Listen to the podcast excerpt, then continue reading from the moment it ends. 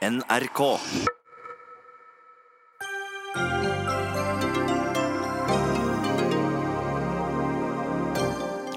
Politiets Fellesforbund kaller statsbudsjettet for en provokasjon, og mener det slettes ikke er noen politisatsing å spore, og møter justisministeren til debatt.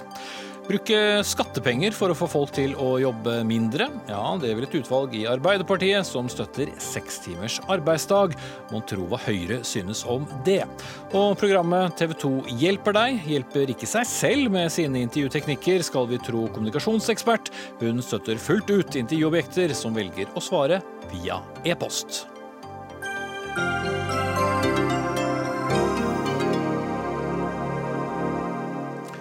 Da ønsker vi god kveld og sier velkommen til Dagsnytt 18 med Espen Aas, eh, der vi også skal eh, diskutere barnevern og fergerederier.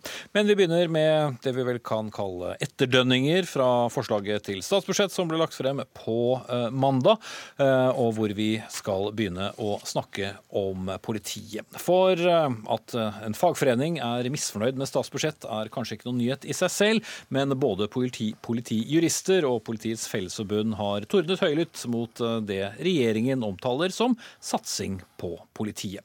En provokasjon er en av kommentarene, så da må jeg spørre deg, justis- og beredskapsminister Tor Mikkel Wara, har du satset på politiet, eller har du ikke? Har det definitivt satsa på politiet. Alle tall, uansett hvordan du snur og vender på dem, betyr at det satses på politiet. Det investeres mer, det kjøpes helikoptre, det investeres i kamp mot gjengkriminalitet, det skal ansettes 200 ekstra, nei, nesten 200 ekstra politifolk i Norge.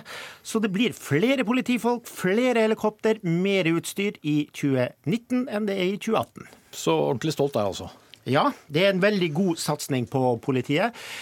Vi har også en del store investeringer som må gjøres unna denne gangen. Det er jo særlig knytta til en del sikkerhet og objektsikkerhet. Det tar mye, det er over en milliard vi skal bruke på det. Men det er jo heldigvis sånne ting som vi får investert oss ferdig med. Og så skal vi gå løs på, på, politiet og driften der videre. Men det er jo en satsing. Det har vært en formidabel satsing på politiet helt siden denne regjeringen overtok. Du verden. Da lurer jeg på, Sigurd Bolstad, leder av Politiets Fellesforbund, hva dere er provosert over?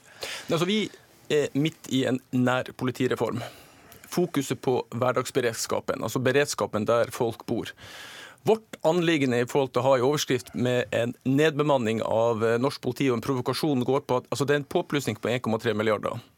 700 millioner går til objektsikring, politihelikoptre og et nytt nasjonalt beredskapssenter. De øvrige 600 millionene, altså i overkant av 500 av de millionene, går til en pris- og lønnsregulering. Og Hvis man tar ABE-nedtrekket og en forskuttering av en effektiviseringsgevinst i forhold til reformen, så overstiger det alene 1,3 milliarder kroner. Så Det betyr at det er satsa på den spisse beredskapen. Men hverdagsberedskapen, altså tilstedeværelsen der folk bor, altså selve kjerna i tilstedeværelsen for befolkninga, altså der tilliten skal skapes, etterforsking, etterforskningsløft og alt det som ligger der, det ligger det ikke penger til. Derfor går vi ut såpass hardt som vi gjør, nemlig å kalle det for en reduksjon og en nedbemanning. Og Vi har også vært en god del ute i distriktene. Åtte av tolv politidistrikt melder om enten en reduksjon i bemanninga eller status quo. Mm. Det, det er status, og det er ikke bare våre beregninger i Politiets Fellesforbund, men det støttes også opp av andre. Man kan jo lure på om dere har lest hvert deres statsbudsjett her nå? Ja, Det begynner jeg virkelig å lure på, for det er altså en økning. Det, altså Siden denne regjeringen overtok Jo, Hvis mye av det er kostnads- og prisjustering, så Ok, La oss snakke stillinger, da. Det er 1500 flere politifolk som er kommet til under denne regjeringen. 1500. Og det blir jo litt sånn rart hvis, hvis uh, fagforeningen mener at 1500 politifolk ikke spiller noen rolle, ikke gjør noe forskjell på samfunnet. Jeg snakker mener, du nå om hele perioden, eller snakker du ja, om det som kommer? Siden denne regjeringen overtok. Men hvis du snakker kommer, om statsbudsjettet, som da er forslaget for 2019? Statsbudsjettet så kommer så er det 180 nye stillinger, i tillegg til alle de stillingene vi har på politiet. Så også da er det en økning. Og jeg mener jo at man må liksom man må jo liksom eh, gi anerkjennelse til at de politifolkene som faktisk er ansatt, og den økningen som faktisk utgjør en forskjell, og at de gjør en innsats i samfunnet, og ikke devaluere den innsatsen som de politifolkene gjør. Men Hva gjør disse nye politifolkene da, Bolstad, hvis ikke de er uh, ute på gaten? Vi har et fantastisk eh, politikorps. Altså Alle som jobber i politi- og lensmannsetaten gjør en fantastisk jobb hver dag. De ønsker kun én ting, og det er å bidra til at uh, befolkninga skal trygges og stå på for befolkninga. Fantastisk politihøgskole som utdanner veldig dyktige medarbeidere i norsk politi. Det må det ikke være noen tvil om. Men eh, litt i forhold til fakta. Gjerne det. Det man, det man, ser her, det er at man venter lenger og lenger med å ansette. Så når man går ut av Politihøgskolen i juni, så ansetter man ikke før i desember. Og I går var vi i Øst politidistrikt, og dette er sikkert gjengs i andre distrikt også. Da var vi i Øst politidistrikt. Og der, når en, sivil, en politisivil slutta, så ansatte man en politiutdanna inn i den politisivile stillinga. Altså en politisivil politi, gjør hva i jobben? Politi, en politiutdanna inn i en politisivil stilling som gjør politisivile eh, oppgaver, og blir regna med i forhold til to Administrative heter det. oppgaver, og ikke politiarbeid. Ja, og blir rett og slett regna med i forhold til den avtalen om to polititjenestemenn og -kvinner per 1000 innbygger. Så sitter man og gjør sivile oppgaver så blir man regna med i det regnestykket. Og Det er det vi også eh, nevner i forhold til en, en eh, nedbemanning. og det som går på at det blir ikke mer, eh, blir ikke mer politikraft ute der folk bor. Det er en av de store reaksjonene som vi så, kommer Så det er riktig som Vara sier da egentlig at det ansettes flere politifolk, men det du sier er at pga. annen nedbemanning eller for mange andre arbeidsoppgaver, så må de sitte inne på kontoret enn å være ute på gaten? Det er, det er et eksempel. Altså, Vi har ikke betvilt at det satses på den spisse beredskapen. Det med et nasjonalt beredskapssenter, det med helikopter og det med objektsikring, det er positivt. Bare så jeg har sagt det klart og tydelig. Men konsekvensen, det er konsekvensen vi reagerer på. Konsekvensen er et nedtrekk i hverdagsberedskapen. Nedtrekk i forhold til etterforsking av grove voldshandlinger, overgrep mot barn, eh, voldtekter med mer. Det blir skadelidende. Det får vi klare tilbakemeldinger om når vi er ute i politidistriktene. Og sist fikk vi en virkelighetsbeskrivelse når vi var på Arendalsuka. Så det er vårt poeng. Den Satsinga på den spisse beredskapen går ut over den myke beredskapen og hverdagsberedskapen. Ikke, Derfor har vi kalt det for en nedbemanning. Skulle ikke den politireformen bl.a. sørge for at vi trengte mindre av de andre stillingene og flere politi på gata? Det er blitt flere av de andre stillingene òg. Altså, det er blitt 2600 eh, flere årsverk i politisektoren under den her. Så det er blitt mer av alt. Eh, så er du enig i noe av det, Bolstad? Nei, altså, det, det, det, eh, altså det som er Det er én ting som jeg har lyst til å være enig i. Og det er at vi står i en reform. Og en reform er i seg selv krevende. Eh, de politidistriktene som jeg nå har besøkt de siste eh, månedene, der er det sånn at noen begynte med felles straffesaksinntak, som det heter, 1.10, bare noen dager siden. Det er klart at når du gjør ting for første gang, så går det litt trågt. Men når du gjør ting mange ganger, så blir du god. Så jeg er jo overbevist om at man blir veldig god på disse tingene etter hvert. Og her er det viktige. Når vi gir stillinger til politiet, til politimesteren, så er det han som skal vurdere etterretningsbildet, kriminalitetsbildet. Det kan variere fra Nord-Norge eller Vestland eller en grenseområde. Og som skal disponere ressursene for å få mest mulig politikraft. Jeg har ikke veldig lyst til å begynne å detaljstyre hvor det skal være politifolk, hvilke kontorer de skal sitte på, fordi dette bildet endrer seg så mye. Vi har hatt en situasjon hvor verden har endra seg kriminaliteten har endra seg, og da må også politiet endre seg. Mm. Men fortsatt er det vel mange av de samme politioppgavene. Men skyter du da litt feil hvis det er de lokale politimesterne som uh, distribuerer mannskapet galt her? Bolstad? Nei, altså, Rett skal på en måte være rett. Altså, det stemmer som justisministeren sier i forhold til at det har, det har kommet en påplussing. Og det satser på den spisse beredskapen. Det er en fakta. Den har vi aldri betvilt i Politiets Fellesforbund. Poenget vårt er at det, går, altså det koster så mye penger. Og vi hadde ønska at det kunne vært et særskilt budsjett, slik at ikke For å sette overgrep mot barn, eh, og sette det som går på voldtekt og andre typer saker, at det, den spisse beredskapen spiser av satsinga på så viktige typer oppgaver som man skal gjøre på vegne av samfunnet. Det, det er den reaksjonen som eh, vi, eh, som vi kom med. Når det gjelder konkret det som går på politimesteren, altså vi, vi er for i utgangspunktet lokal autonomi, men vi har, vi har en avtale og det er en jobbgaranti at vi skal ha minst to tjenestemenn og -kvinner per 1000 innbygger. Det må vi som et minimum nå først. Det må ligge i bunn. Hvis ikke så hvem skal løse samfunnsoppdraget da, hvis man ikke når det minimum av to per 1000? Og så kan man begynne å diskutere mer i forhold til den lokale autonomien og handlingsrommet til, til politimesteren. Okay. det- det, det har jeg ingenting imot. Jeg må inn på en av de tingene du, du tar opp der. For de siste dagene så har vi i NRK eh, hatt flere saker som har vist at antall anmeldte nettopp voldtekter som er innpå her i landet, har økt kraftig. Og det samme har saksbehandlingstiden. Og det er jo ikke alltid så bra at de to hengene de henger sammen. Ti av tolv distrikter bryter fristen på 130 dager. Gjennomsnittlig behandlingstid er nemlig 207 dager ifølge Politidirektoratet. Og da er jo spørsmålet da, Vara, om du er fornøyd med de tallene? Overhodet ikke. Eh, her er det viktig å huske på at dette er, ikke, dette er en utvikling som ikke skyldes at man har nedbemanna politi eller noe. Det er at flere anmelder. Eh, vi har hatt en dobling i forhold til eh, seksuallovbrudd mot barn. Og vi har hatt en 50% økning på voldtekt av voksne. Det er sannsynligvis at vi avdekker kriminalitet vi tidligere ikke avdekka. Og det at mange står nå frem og anmelder. Det gjelder spesielt kvinner, og det gjelder særlig en del av den voldtekten som knytta til folk du kjenner, og festvoldtekt og den typen begreper, rus. Eh, og det er veldig bra at man anmelder, men det er klart at når du får så voldsomme økninger i det, så blir politiet hengende etter. Men det er ikke godt nok, fordi disse sakene skal prioriteres. Mm. Tove Velle Haugland, stortingsrepresentant for Kristelig Folkeparti. Dere har jo kritisert eh, regjeringen i dag. Hva mener dere den skulle gjort annerledes? Ja, altså Vi har jo tatt opp dette spørsmålet flere ganger eh, fra Stortinget, og vi ba jo om en handlingsplan allerede i fjor. Og Vi mener jo at eh, det Vara kommer med nå, en plan på dette, kommer eh, litt jul? Ja. ja, det kommer litt for sent, fordi at vi ser at mens vi venter, så stiger antallet anmeldelser. Men disse kvinnene har ingen garanti om at, den anmeldelsen, at det skjer noe med den anmeldelsen. Så vi mener at den belastninga som kvinnen tar ved å anmelde, spesielt eh, i nære relasjoner, er veldig høy.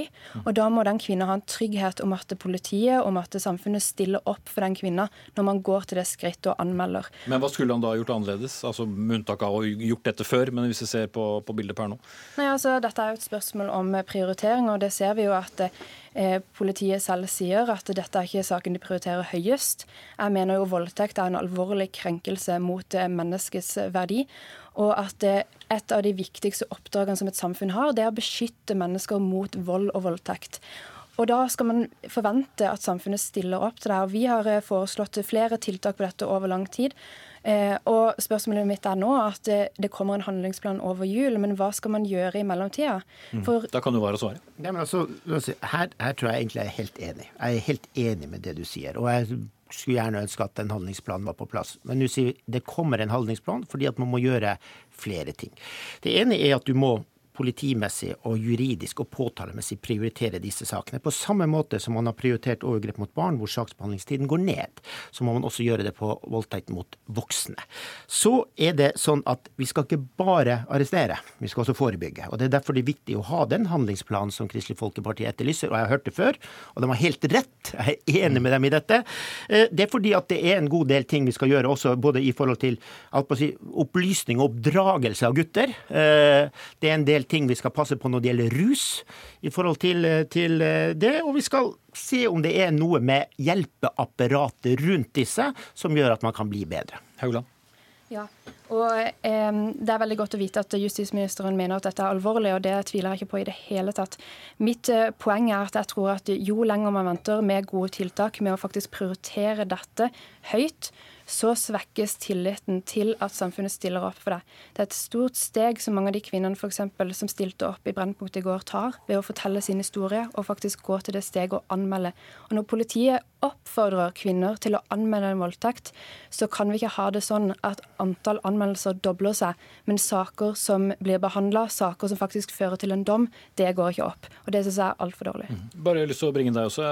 Bolstad, hvor stort eh, handlingsrom eh, hadde etterforskere hatt til å, å gjort eh, noe annerledes, uh, i og med at eh, tallene har steget såpass mye som de har på, på få år? Ja, vi, dette var vårt uh, hovedtema, vår hoveddebatt på, uh, på Arendalsuka, altså henlagt etter bevissestilling. Eh, eller av kapasitetshensyn. Eh, og Jeg sitter med noen tall foran meg nettopp i forhold til saksbehandlingstida. Ikke ta for mange nå, vi har hatt mange tall de siste ti minuttene. Unnskyld? Ikke ta for mange nei, tall nei, i så fall. Nei, jeg, noe, nei, jeg er ikke noen tallknuser, så det passer egentlig bra at jeg ikke får den oppgaven. Men, men poenget mitt er altså det de tallene viser, eh, og den tilbakemeldinga som kommer. og det var Han som var etterforskningsleder i Agder politidistrikt, han redegjorde en sånn, ja, kom med en sånn virkelighetsbeskrivelse av hvordan det sto til i det, i det distriktet. Og det som dessverre er å melde, det er at det er for få til å etterforske, og det er behov for et etterforskningsløft. Det er et prosjekt på det. Det er et fantastisk prosjekt, men det mangler rammevilkår. Og Derfor vi kom med et forslag om at legg 200 millioner på bordet så skal man få til et godt etterforskningsløft. Både med rekruttering av etterforskere og det å kunne beholde dem. Det er en del av de eh, tilbakemelding, klare tilbakemeldingene som vi får fra distriktene. Så det er ikke rart at man får en sånn type utvikling, for man er pressa helt til randa okay. der. Men en, en ting som er positivt, det at regjeringa er så tydelig på at det skal prioriteres. Det er vi veldig veldig enig i. Jeg hadde tenkt å gi deg ordet til slutt, men kanskje det var hyggelig med en uh, gest fra Nei, Politiforbundet? Her, da kan jeg si at her tror jeg vi er enige. Men det kommer jo, det er jo vært en voldsom økning. Og den økningen av anmeldelser er bra. For det betyr at kvinner gjør det de kanskje ikke gjorde tidligere, nemlig anmeldte voldtekt i nære relasjoner. Så det er bra, og det er veldig viktig at de fortsetter å gjøre det. Og så skal vi stille opp på samfunnet. Mm. Noe som vil bli repetert ytterligere til revidert, eller? Ja, altså, vi, vi kommer med med den handlingsplanen som Kristelig Folkeparti etterlyser. Den har de etterlyst før, så all ære til dem for det. Den skal vi levere. Den kommer vi med eh, tidlig i 2019. Da skal vi ikke gjøre noe flere forsøk på å arrestere noen eh, i denne omgang, men sier heller takk til Tove Ville Haugland, stortingsrepresentant fra Kristelig Folkeparti, Segve Bolstad, leder av Politiets Fellesforbund, og justis- og beredskapsminister Tor Mikkel Wara fra Fremskrittspartiet. Dagsnytt 18 alle hverdager kl 18.00 på NRK P2 og NRK2.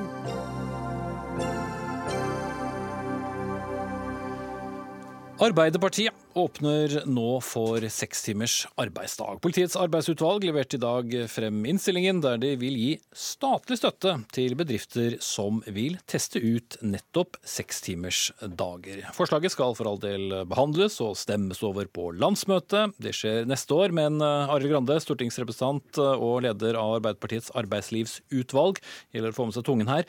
Bruke skattepenger for å få folk til å, å jobbe mindre, hva er gevinsten i det? Det er jo egentlig tvert imot. Det handler om å eh, lete etter tiltak som kan bidra til at folk jobber mer, eh, kan stå lenger i arbeidslivet. Det vi ser i dag, er at eh, svært mange står utenfor, får ikke muligheten til å bidra med sine ressurser. Og altfor mange faller ut av arbeidslivet når de begynner å nærme seg godt voksen alder. Fordi de jobber i tunge yrker, det kan være at de er for få på jobben, det kan være at belastningen blir så stor at de blir utslitt. Og vi tenker at arbeidstid også kan ha noe med det å gjøre. Derfor ønsker vi mer helsefremmende arbeidstidsordninger. Og vi ønsker også at man kan teste ut om f.eks. det å få redusert arbeidstid, eh, særlig i de yrkene hvor det er tunge løft, eh, om det kan bidra til at flere slipper inn, og at flere kan stå lenger i arbeidslivet. Det er vi nysgjerrige på. Men det skal ikke gjelde alle yrker? Nei, overhodet ikke. og vil være veldig tydelig på at Vi får, vil ikke anbefale at sekstimers timers arbeidsdag gjennomføres i hele arbeidslivet. Men i visse yrker så vet vi at det er for tungt å stå i jobb eh, når man har bikka 50-60 år. Vi må gjøre mer for å se hva kan vi bidra med for at eh, flere kan stå lengst mulig. Og om vi da må bruke noe av fellesskapets ressurser på å si at vi skal støtte opp om dem som i dag sliter, dem som i dag uh, syns det er tungt, uh, det syns jeg er en god investering. Regnskapet vil se godt ut hvis det kan bidra til at flere slipper inn i arbeidslivet og flere kan stå lenger. Heidi Nordby Lunde, eh, arbeidspolitisk talsperson eh, for Høyre og stortingsrepresentant. Eh, er det god ressursbruk? Nei, vi syns ikke det. Men vi er veldig glad for at Arbeiderpartiet faktisk har moderert forslaget sitt om sekstimersdag, og nå sier at det ikke skal gjelde overalt, men i enkelte tilfeller. Og det har jo også bedrifter anledning til å gjøre i dag, bare sånn at det er, er, sagt. Men det er litt merkelig at Arbeiderpartiet på den ene siden argumenterer med at sekstimersdagen er lønnsom, kan gi lavere sykefravær og økt produktivitet, men samtidig samtidig som programleder på, påpeker, da trenger statlige tilskuddsordninger. I Høyre så har vi jo satt i gang, eh, eller Regjeringen har satt i gang en inkluderingsdugnad der hvor man eh, kompenserer bedrifter dersom de tar inn de med lavere produktivitet, folk med funksjonsnedsettelser eller hull i CV-en, for å nettopp gi de muligheter på arbeidsmarkedet. Så vi er jo i gang med den inkluderingsdugnaden som Arbeiderpartiet her sier at sekstimersdagen skal være et virkemiddel på. Grande. Ja, Vi vet at det er veldig mange som jobber i dag i tunge yrker, eh, som eh, er redd for eh, om de har en framtid i arbeidslivet. Det kan være særlig innenfor pleie og omsorg, hvor mange for det første føler at de er altfor få på jobben. Så vi må gjøre mer for å øke grunnbemanninga, det tar vi til orde for. Men vi må også se nærmere på hvordan arbeidstidsordningene påvirker helsa vår. Eh, for mange har eh, tunge, belastende yrker. I industrien har man eh, i stor grad klart å rydde opp i mye av det her gjennom å ha gode, trygge rammer rundt arbeidstakerne. Man er ikke kommet like langt når det gjelder folk som jobber i pleie og omsorg i mange kvinnedominerte yrker. Og Men der mangler vi jo masse folk. Hvordan skal vi få enda flere til å dekke opp på kortarbeidsdager? Jo, hvis folk kan jobbe lenger, stå et helt yrkesliv i stedet for å felle ifra i 50-60-årsalderen, så vil jo det være med å bidra til at vi får løst løst flere velferdsoppgaver. Det vil være et godt regnestykke for Norge, og ikke minst for den enkelte. Men det kan også eh, være med å bidra til at flere slipper inn i arbeidslivet. Det står 70 000 unge mennesker eh, og vil inn i arbeidslivet. Men alle er vel ikke ferdig utdannet sykepleiere, f.eks.? Nei, og, men én av tre eh, som kunne vært i arbeid, er i dag på andre ordninger.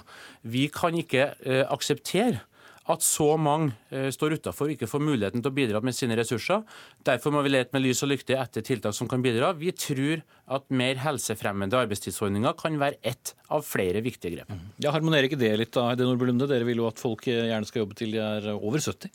Så hvis ikke ja. vi sliter dem ut eh, når de er 60, så klarer de vel det? Nei, det er viktig å legge til rette for et godt og trygt arbeidsliv hvor flere faktisk eh, må jobbe lenger og stå lenger i jobb. For det så har vi allerede mange tiltak inne, bl.a. i denne inkluderingsdugnaden. Men det at én av tre står ute utenfor eh, og er på andre tiltak, løses jo ikke av sekstimersdagen.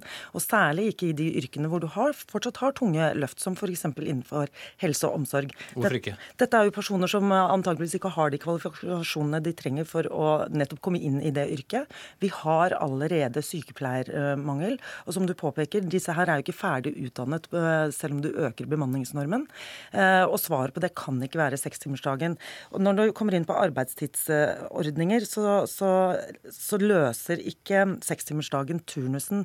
For Arbeidstidsutvalget skrev at tiltak som ikke griper inn i helgeproblematikken, bare i begrensa grad kan løse uønsket f.eks. deltid. Tvert imot ønsker mange sykepleiere faktisk å jobbe lengre turnus, f.eks. i helgene, for å få timene til å gå opp når de først må, må jobbe. Sekstimersturnuser løser ikke dette. Men jeg skjønner ikke helt det regnestykket da. fordi hvis øh, si det er sekstimersdager, så vil man jo som Grande påpeker, trenger flere til å jobbe. Og hvis det da er et system med sekstimersdager, så vil det være mye lettere å beregne hva man da trenger av eh, arbeidskraft enn kanskje i dag. Samtidig så er jo gullstandarden i norsk arbeidsliv, både i dag og skal være i framtida også, eh, heltidsarbeid innenfor normert arbeidstid. Og Det betyr at du ville fått fryktelig mange som kunne bemanne opp på dagtid, men fortsatt ikke løst problemene på kvelds, nattestid, og som Arbeidstidsutvalget var veldig tydelig på, ikke i helgene. Mm. Grande? Ja, Vi har vært og besøkt Tine Heimdal, som gikk over til seks timers arbeidsdag for noen år siden. Eh, resultatet ble eh, stor nedgang i sykefravær. Og de økte produksjonen med over 30% Og Noe av årsaken til det er jo at eh, maskinene kan utnyttes tolv timer på to skift i stedet for åtte eller sju og en halv time på en vanlig arbeidsdag. Sånn at hvis man på enkelte arbeidsplasser finner ut at i et samarbeid mellom ledelse og ansatte at vi vil teste ut det her, da mener vi at vi kan være med og bidra eh, med både midler til eh, at flere våger å teste ut, men også at vi får forskning rundt det, sånn at vi ser hva er det som virker, og hva er det som ikke virker. Men det er veldig bra at Heidi Nordby Lunde drar inn inkludering i arbeidslivet i denne diskusjonen, for det er nettopp det det handler om. Og på regjeringas vakt så ser vi nå en eksplosjon i unge uføre. Vi ser 70 000 unge mennesker som står utenfor arbeidslivet. Og den veksten som har vært i sysselsetting det siste eh, kvartalet, kommer stort sett, ifølge regjeringa sjøl, gjennom innleie og bemanningsbyråene. Vi kan ikke fortsette den utviklinga som går i retning av løsarbeid og at flere står utenfor. Vi må gjøre mer for å inkludere flere i arbeidslivet. Og, og da, da kan helsefremmende arbeidstidsordninger være én brikke i, stor, eh, i et stort puslespill. Hvis gevinsten er eh, folk som står lenger i jobb og folk er mindre syke, trenger vi da å sponse dem? Jeg tror at uh, vi må ta inn over oss at det er veldig få som har vært villige til å teste ut det her. Uh, selv om Tine Heimdal har strålende resultat, så forteller de at innenfor Tine-konsernet så er det veldig få andre som uh, ønsker å ta den ballen. Jeg tror at for mange så er det å fortsette litt i samme tralten som før. Jeg tror at for mange arbeidsgivere så er en stor usikkerhet knytta til det, og den usikkerheten er jo Høyre med å sprer gjennom at man sier at det her er så vondt og vanskelig og tungt og, og dyrt. Men ved at vi kan gi noe støtte til bedrifter eller virksomheter som ønsker å teste ut det her, så tror vi flere kan være nysgjerrige på det. Da vil vi få høsta flere erfaringer. Da kan vi kanskje få bedre kunnskap rundt det her. Og dermed kan vi ha en litt mer eh, faktabasert debatt i stedet for synsing, sånn som det blir nå. Kort til slutt, Lunde. Ja, Tine Heimdals krav for å innføre sekstimersdag var jo bl.a. at de skulle øke produksjonen og, og eh, redusere sykefraværet. Men svaret på digitalisering er ikke sekstimersdagen, det er kompetanseheving. Akkurat som vi gjorde i overgangen til industrisamfunnet dersom vi jobber mindre, så vil vi, kan vi ikke forvente i hvert fall mer i, i, velferd. Det tror jeg faktisk de aller fleste forstår. For at velferdsstaten skal være bærekraftig i framtiden, må flere jobbe litt mer og stå lenger i arbeid. Sekstimersdagen løser ikke det. Og som du sikkert skulle si nå, flere må også i arbeid, men der må jeg stoppe dere. Arild Grande, stortingsrepresentant fra Arbeiderpartiet og leder av partiets arbeidslivsutvalg, og Heidi Nordby Lunde, stortingsrepresentant fra Høyre og arbeidspolitisk talsperson.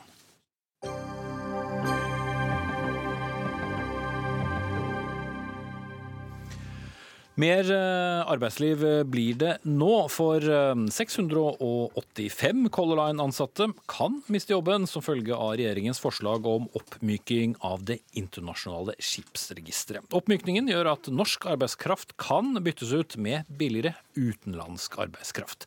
Gevinsten med denne oppmykingen er likevel at det vil gjøre det mindre sannsynlig for fergerederier å flagge ut.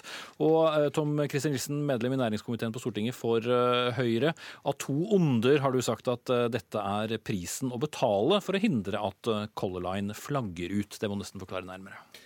Nei, altså, det her er jo en, det er en vanskelig sak, og jeg skjønner òg at det er en ekstremt vanskelig sak for de som er involvert og de som er ansatt om bord på, på, disse, disse fergene. Men når vi har i hvert fall hittil ment at dette er riktig å gjøre, så er det fordi at vi har sett at risikoen er at hele Color Line flagger ut.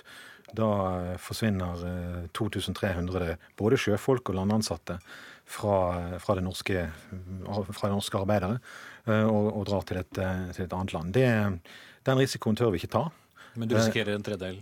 Men du risikerer en tredel. Og det, det, det, er helt riktig. Det skyldes at dette er i internasjonal konkurranse, og det her kan man eh, flagge om til det registeret og det landet man, man ønsker.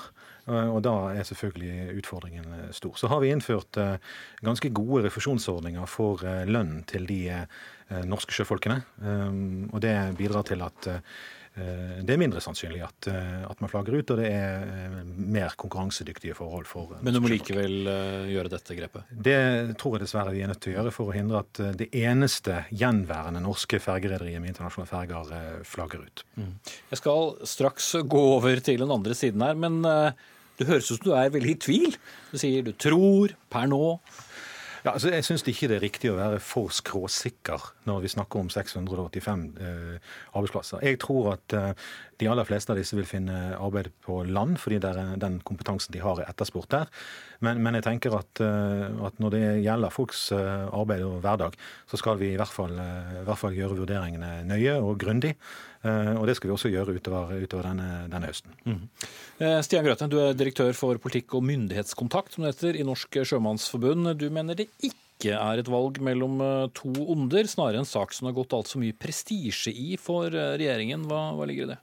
Nei, altså Regjeringen sjøl skriver nå for første gang i dette budsjettet at konkurransevilkårene i nord er bedre enn i DIS, altså det danske registeret. Eh, og Det er jo et resultat av at denne regjeringa faktisk har gjort kraftige forbedringer i tilskuddsordningen. Den er mellom 25 og 30% bedre nå enn den var i 2013, som det tallet her bygger på. Men allikevel, av en eller annen merkelig grunn, så kjører regjeringen fortsatt på med den samme beslutningen, sjøl om virkeligheten er altså dramatisk endra. Men jeg registrerer det samme som programlederen, at det, er en mer tvil nå, til og med i Høyre, enn det har vært eh, tidligere. Og jeg syns det, eh, synes det er ganske merkelig at eh, For det nordiske fergemarkedet er et velfungerende eh, arbeidsmarked med nordisk lønnsnivå i alle land. Hvis da regjeringen legger til rette for det her, så blir altså Color en første rederi i Norden som kan ha kjøre da med internasjonale lønninger, ren sosial dumping i det nordiske fergesegmentet. Og det er jo derfor reaksjonene er så sterke, ikke bare fra norske hold, men fra hele Norden, og til og med andre land i Østersjøen. Altså det er ett budskap til den norske regjeringen. Stopp det her. De kan vil rasere hele arbeidsmarkedet i hele Norden. Og at Norge skal settes i bresjen for det, hvis det skal være ettermælet etter Erna Solberg, det syns jeg er veldig merkelig. Det var kraftig skyts, Nilsen. Hva svarer du til det? Ja, altså For det første så vil jeg si at de, den gjennomgangen av avtalen som nå er gjort, den viser fortsatt at når det gjelder disse fergene, som går mellom, går mellom, Tyskland og Norge, så er det fortsatt slik at det ville være lønnsomt å, få, å flagge, de, flagge, de, ut. Når det gjelder fergene mellom Danmark og Norge, så er det riktig som, som det sies her, at det, det er ikke tilfellet. Så for meg står det igjen at jeg er nødt til å forsøke å sørge for at det er mest mulig norske sjøfolk om bord.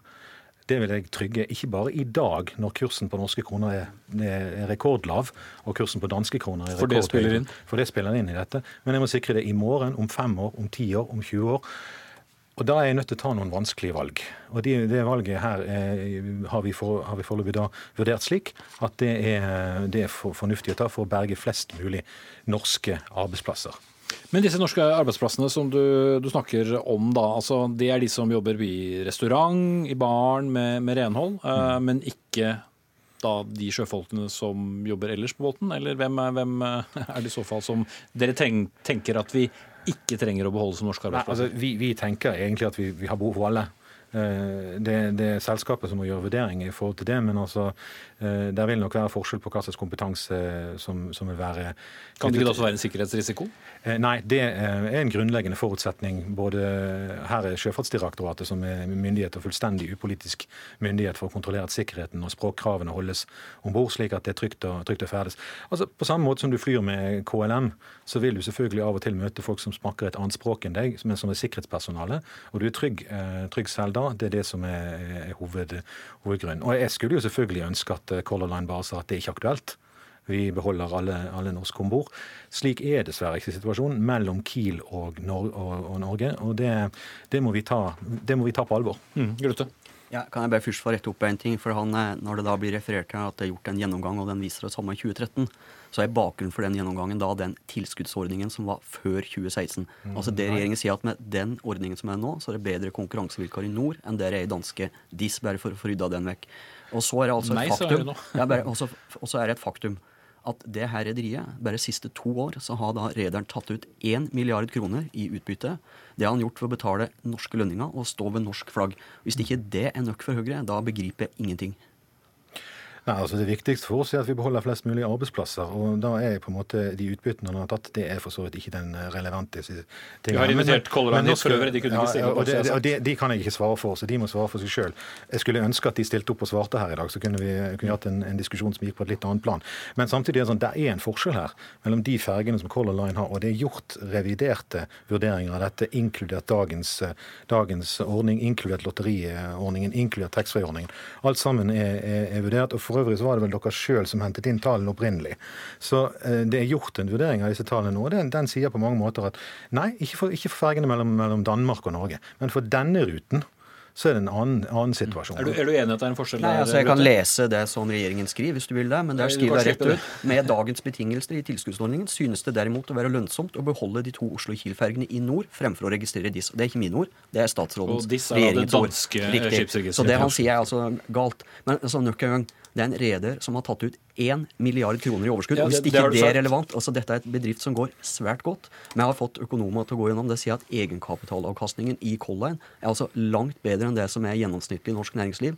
Altså, og, og likevel da, så er Høyre villig til da å sende 700 ansatte i første omgang. For vi har ingen garanti for at det stopper der. Juridisk så kan de bytte ut alle ansatte på de båtene her. Altså, Men eh, bare for å ta det poenget eh, som Nilsen hadde med, med, med valutaen her også, Ja. er, er ikke det poenget at akkurat nå eh, så fungerer det bra, men det er ikke det samme som å si at eh, Jo. dette er situasjonen om noen år? Skal vi være avhengig av Vi har valutasvingning? jeg kan betyge programleder Nilsen og si at vi har gått gjennom valutaen siste 20 år.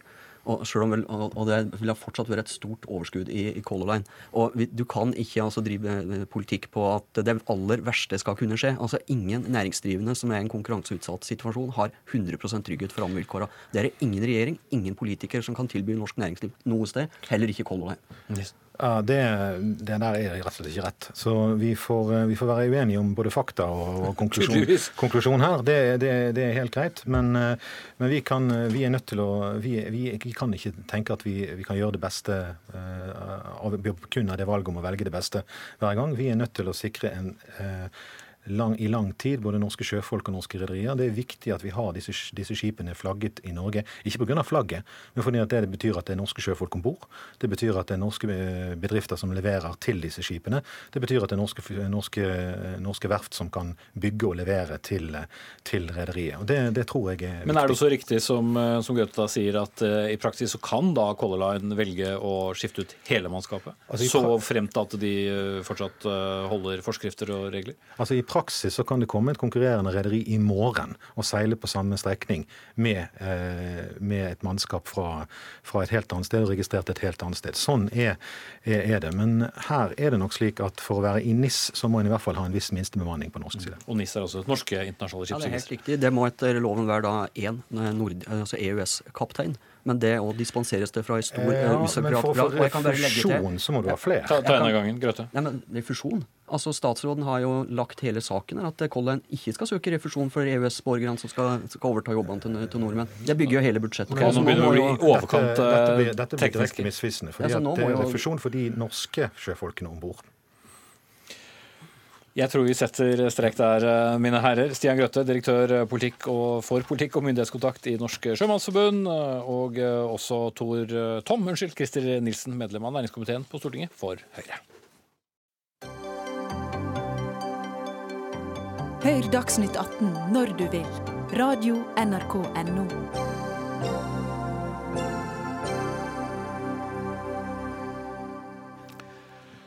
Barnevernet må rustes opp. Den som mener det er eh, Barneombudet, og etterlyser mer penger fra regjeringen. Både kompetanseheving og digitalisering ligger inne i forslaget til statsbudsjett for, statsbudsjett for neste år, men til Aftenposten så sier du at dette ikke er nok. Hvorfor ikke, eh, barneombud Inga Beiring?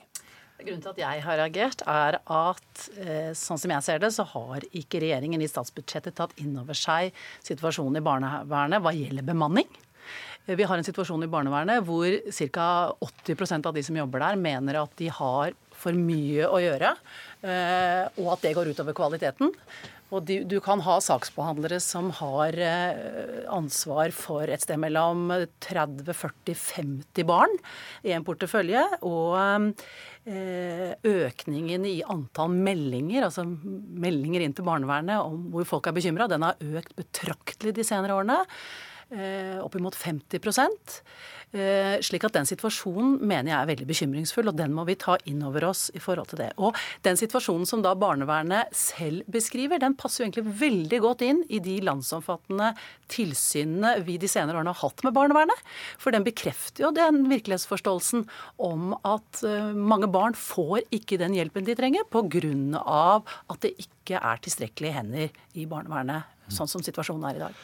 Nå er du eh, fortsatt relativt nyutnevnt som mm. barneombud, men har jo mange år eh, bak deg i rettssystemet. Hva har du sett der som støtter opp under det du sier nå som eh, barneombud? Jeg var glad du stilte det spørsmålet, fordi at jeg har jo sittet da nesten det er fælt å si det, 20 år i justissektoren, både som statsadvokat og dommer, og jeg har sittet og sett resultatene av en mangelfull investering i det vi kaller det forebyggende og tidlig innsats for barn. Altså hva som skjer når vi ikke sørger for at barn får en god og trygg oppvekst. Da ender det ofte med ødelagte liv, og i verste fall også med kriminalitet. Sånn samfunnsøkonomisk så undrer jeg meg litt over hvorfor ikke politikerne i større grad handler på den kunnskapen vi alle har om at det er en sammenheng mellom de pengene vi bruker forebyggende tidlig, og de utgiftene vi senere får på helsebudsjett og på justisbudsjett.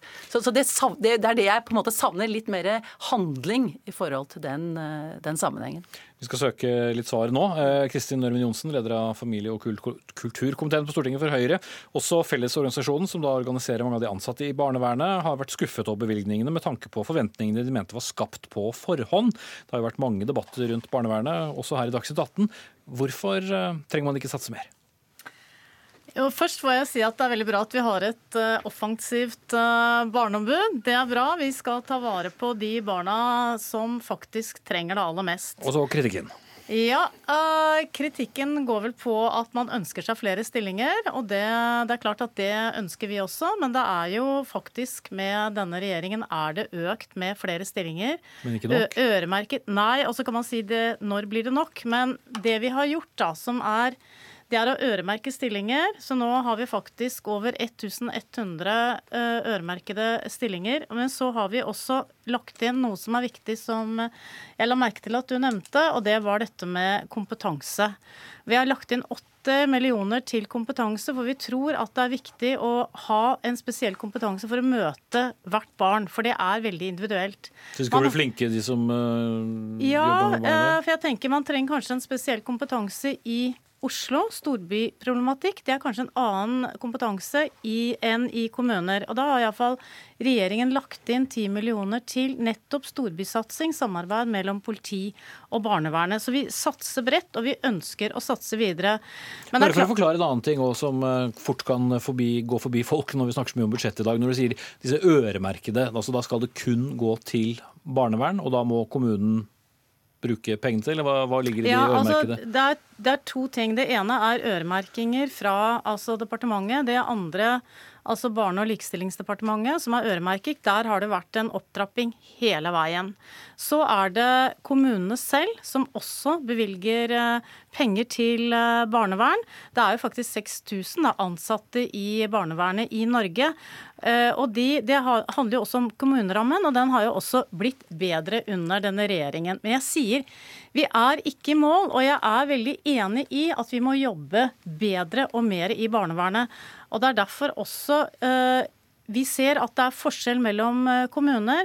Og det er jo faktisk kommuner i dag som kun har én ansatt i barnevernet, og som ikke har døgnberedskap for barnevernet. Dvs. Si at det er en barnevernsvakt som er der hele døgnet for barnet.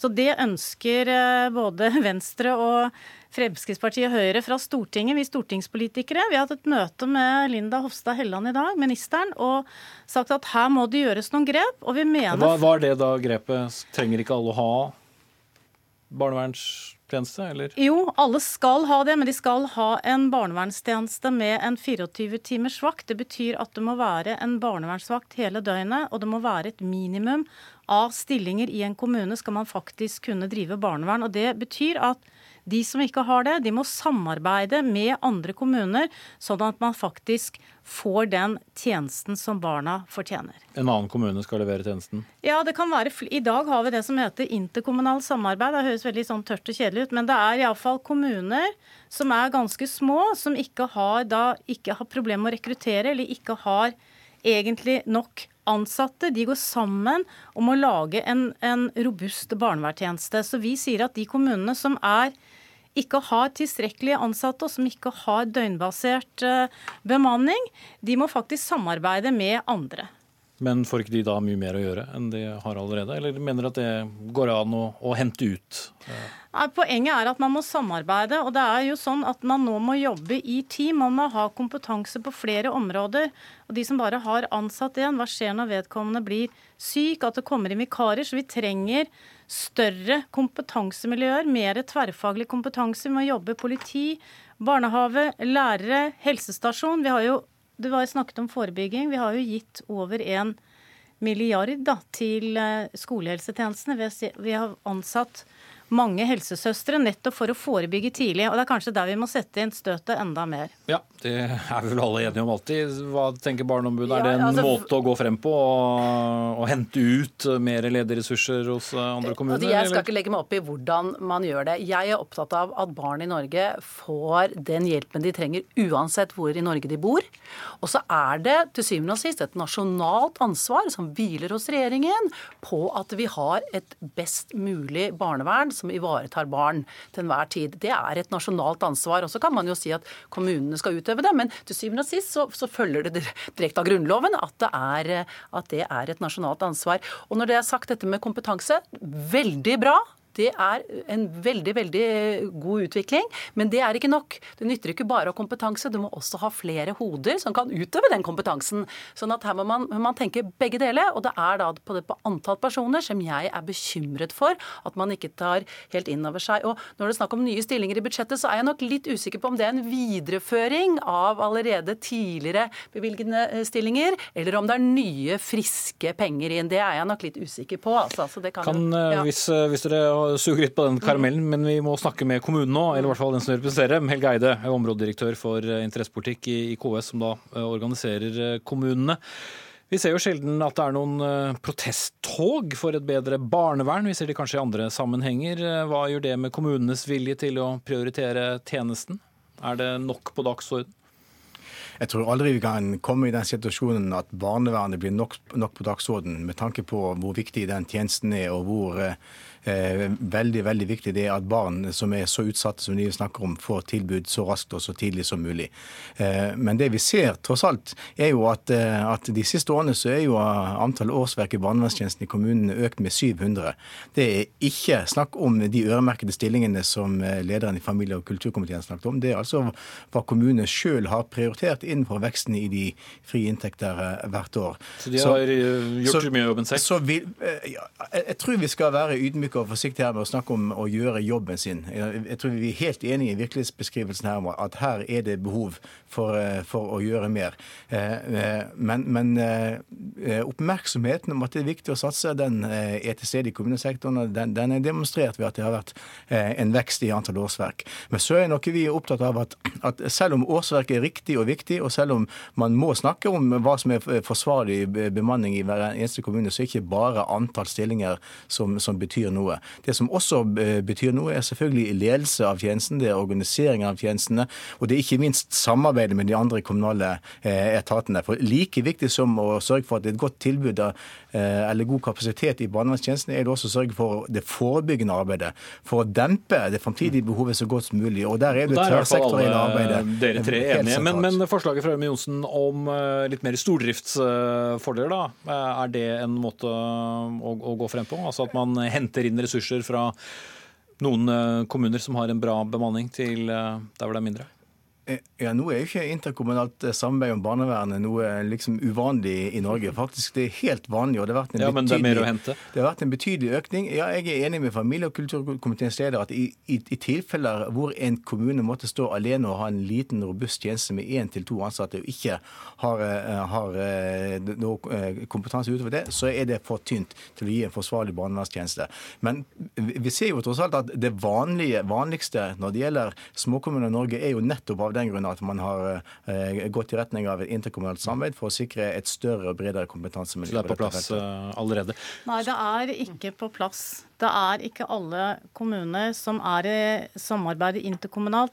Poenget var ikke med interkommunalt med stordriftsfordeler. Poenget med interkommunalt var at kommunene sammen la den økonomien de hver og en bruker til barnevernet, de la det sammen i en pott, sånn at de et, får et større fagmiljø og får en mulighet til å følge opp barna bedre enn i dag. Det blir mindre sårbart, og det rekrutterer bedre. Men spørsmålet fra Eng da om eh, disse pengene, er det en videreføring, eller er det friske midler som Nei, kommer i vi budsjettet? viderefører de midlene vi har satt inn nå. Ja. Så har vi eh, en kommuneøkonomi som faktisk har gjort det mulig for kommunene å satse på barnevernet. Det er ansatt flere stillinger, og vi har klart å løfte det. Så er jeg også opptatt av at vi må kunne jobbe smartere. Digitaliseringen er også viktig nettopp for å frigjøre ressurser til å jobbe ut mot barna. At man ikke sitter og fakser og bruker eh, papir istedenfor at man kan faktisk jobbe smartere. Så vi har lagt inn ganske mange millioner til IKT, også i barnevernet. Men når det gjelder det forebyggende, så vil jeg iallfall si noe om Ja, nå, for, for, Forebyggende har vi snakket om så mange ganger. Nå vil jeg bare Ja, høre det hva.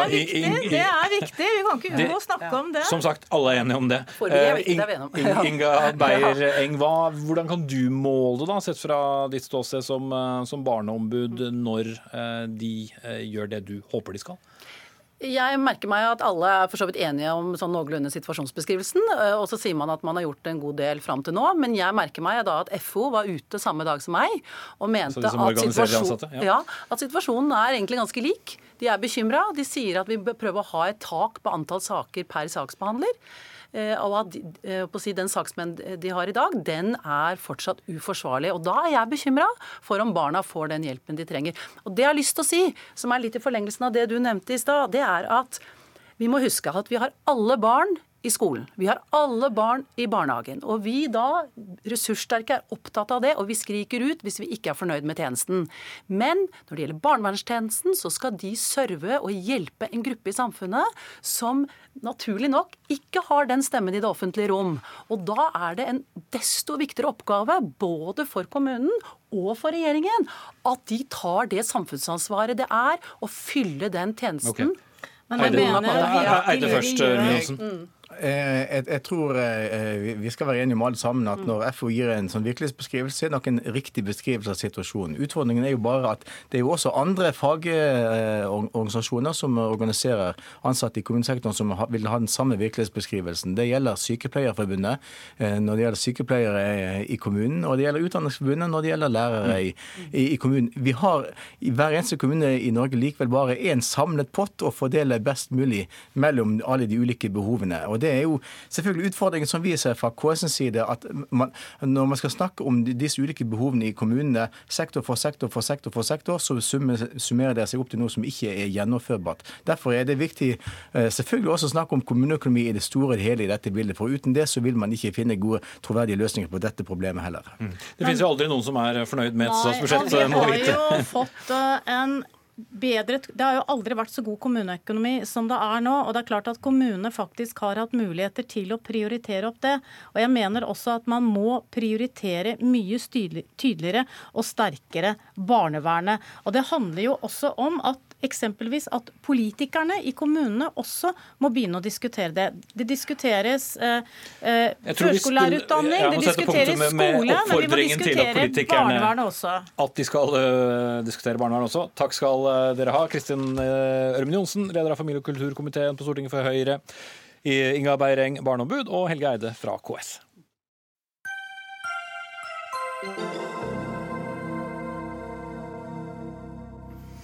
Så um, apropos nærmest, hva er den uh, beste måten å takle kritiske og pågående spørsmål fra oss uh, i mediene? Dagsnytt 18 hjelper deg, eller kanskje ikke. Noen velger iallfall uh, å svare på spørsmål skriftlig, gjerne via e-post. Ofte til frustrasjon blant mange som jobber i TV og radio. Et program er TV 2 Hjelper deg, som har klaget i nød over uh, bl.a. en matvaregigant ved Rema 1000 som ikke ville stille til intervju foran kamera.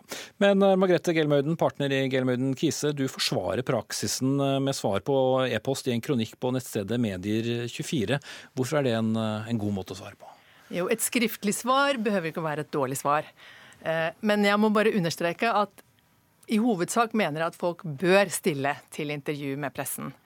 Og Det er viktig med åpenhet, og det er viktig at folk stiller. og Derfor er det også viktig at folk har tillit til at når de stiller til intervju, så blir de behandlet på en ryddig og grei måte.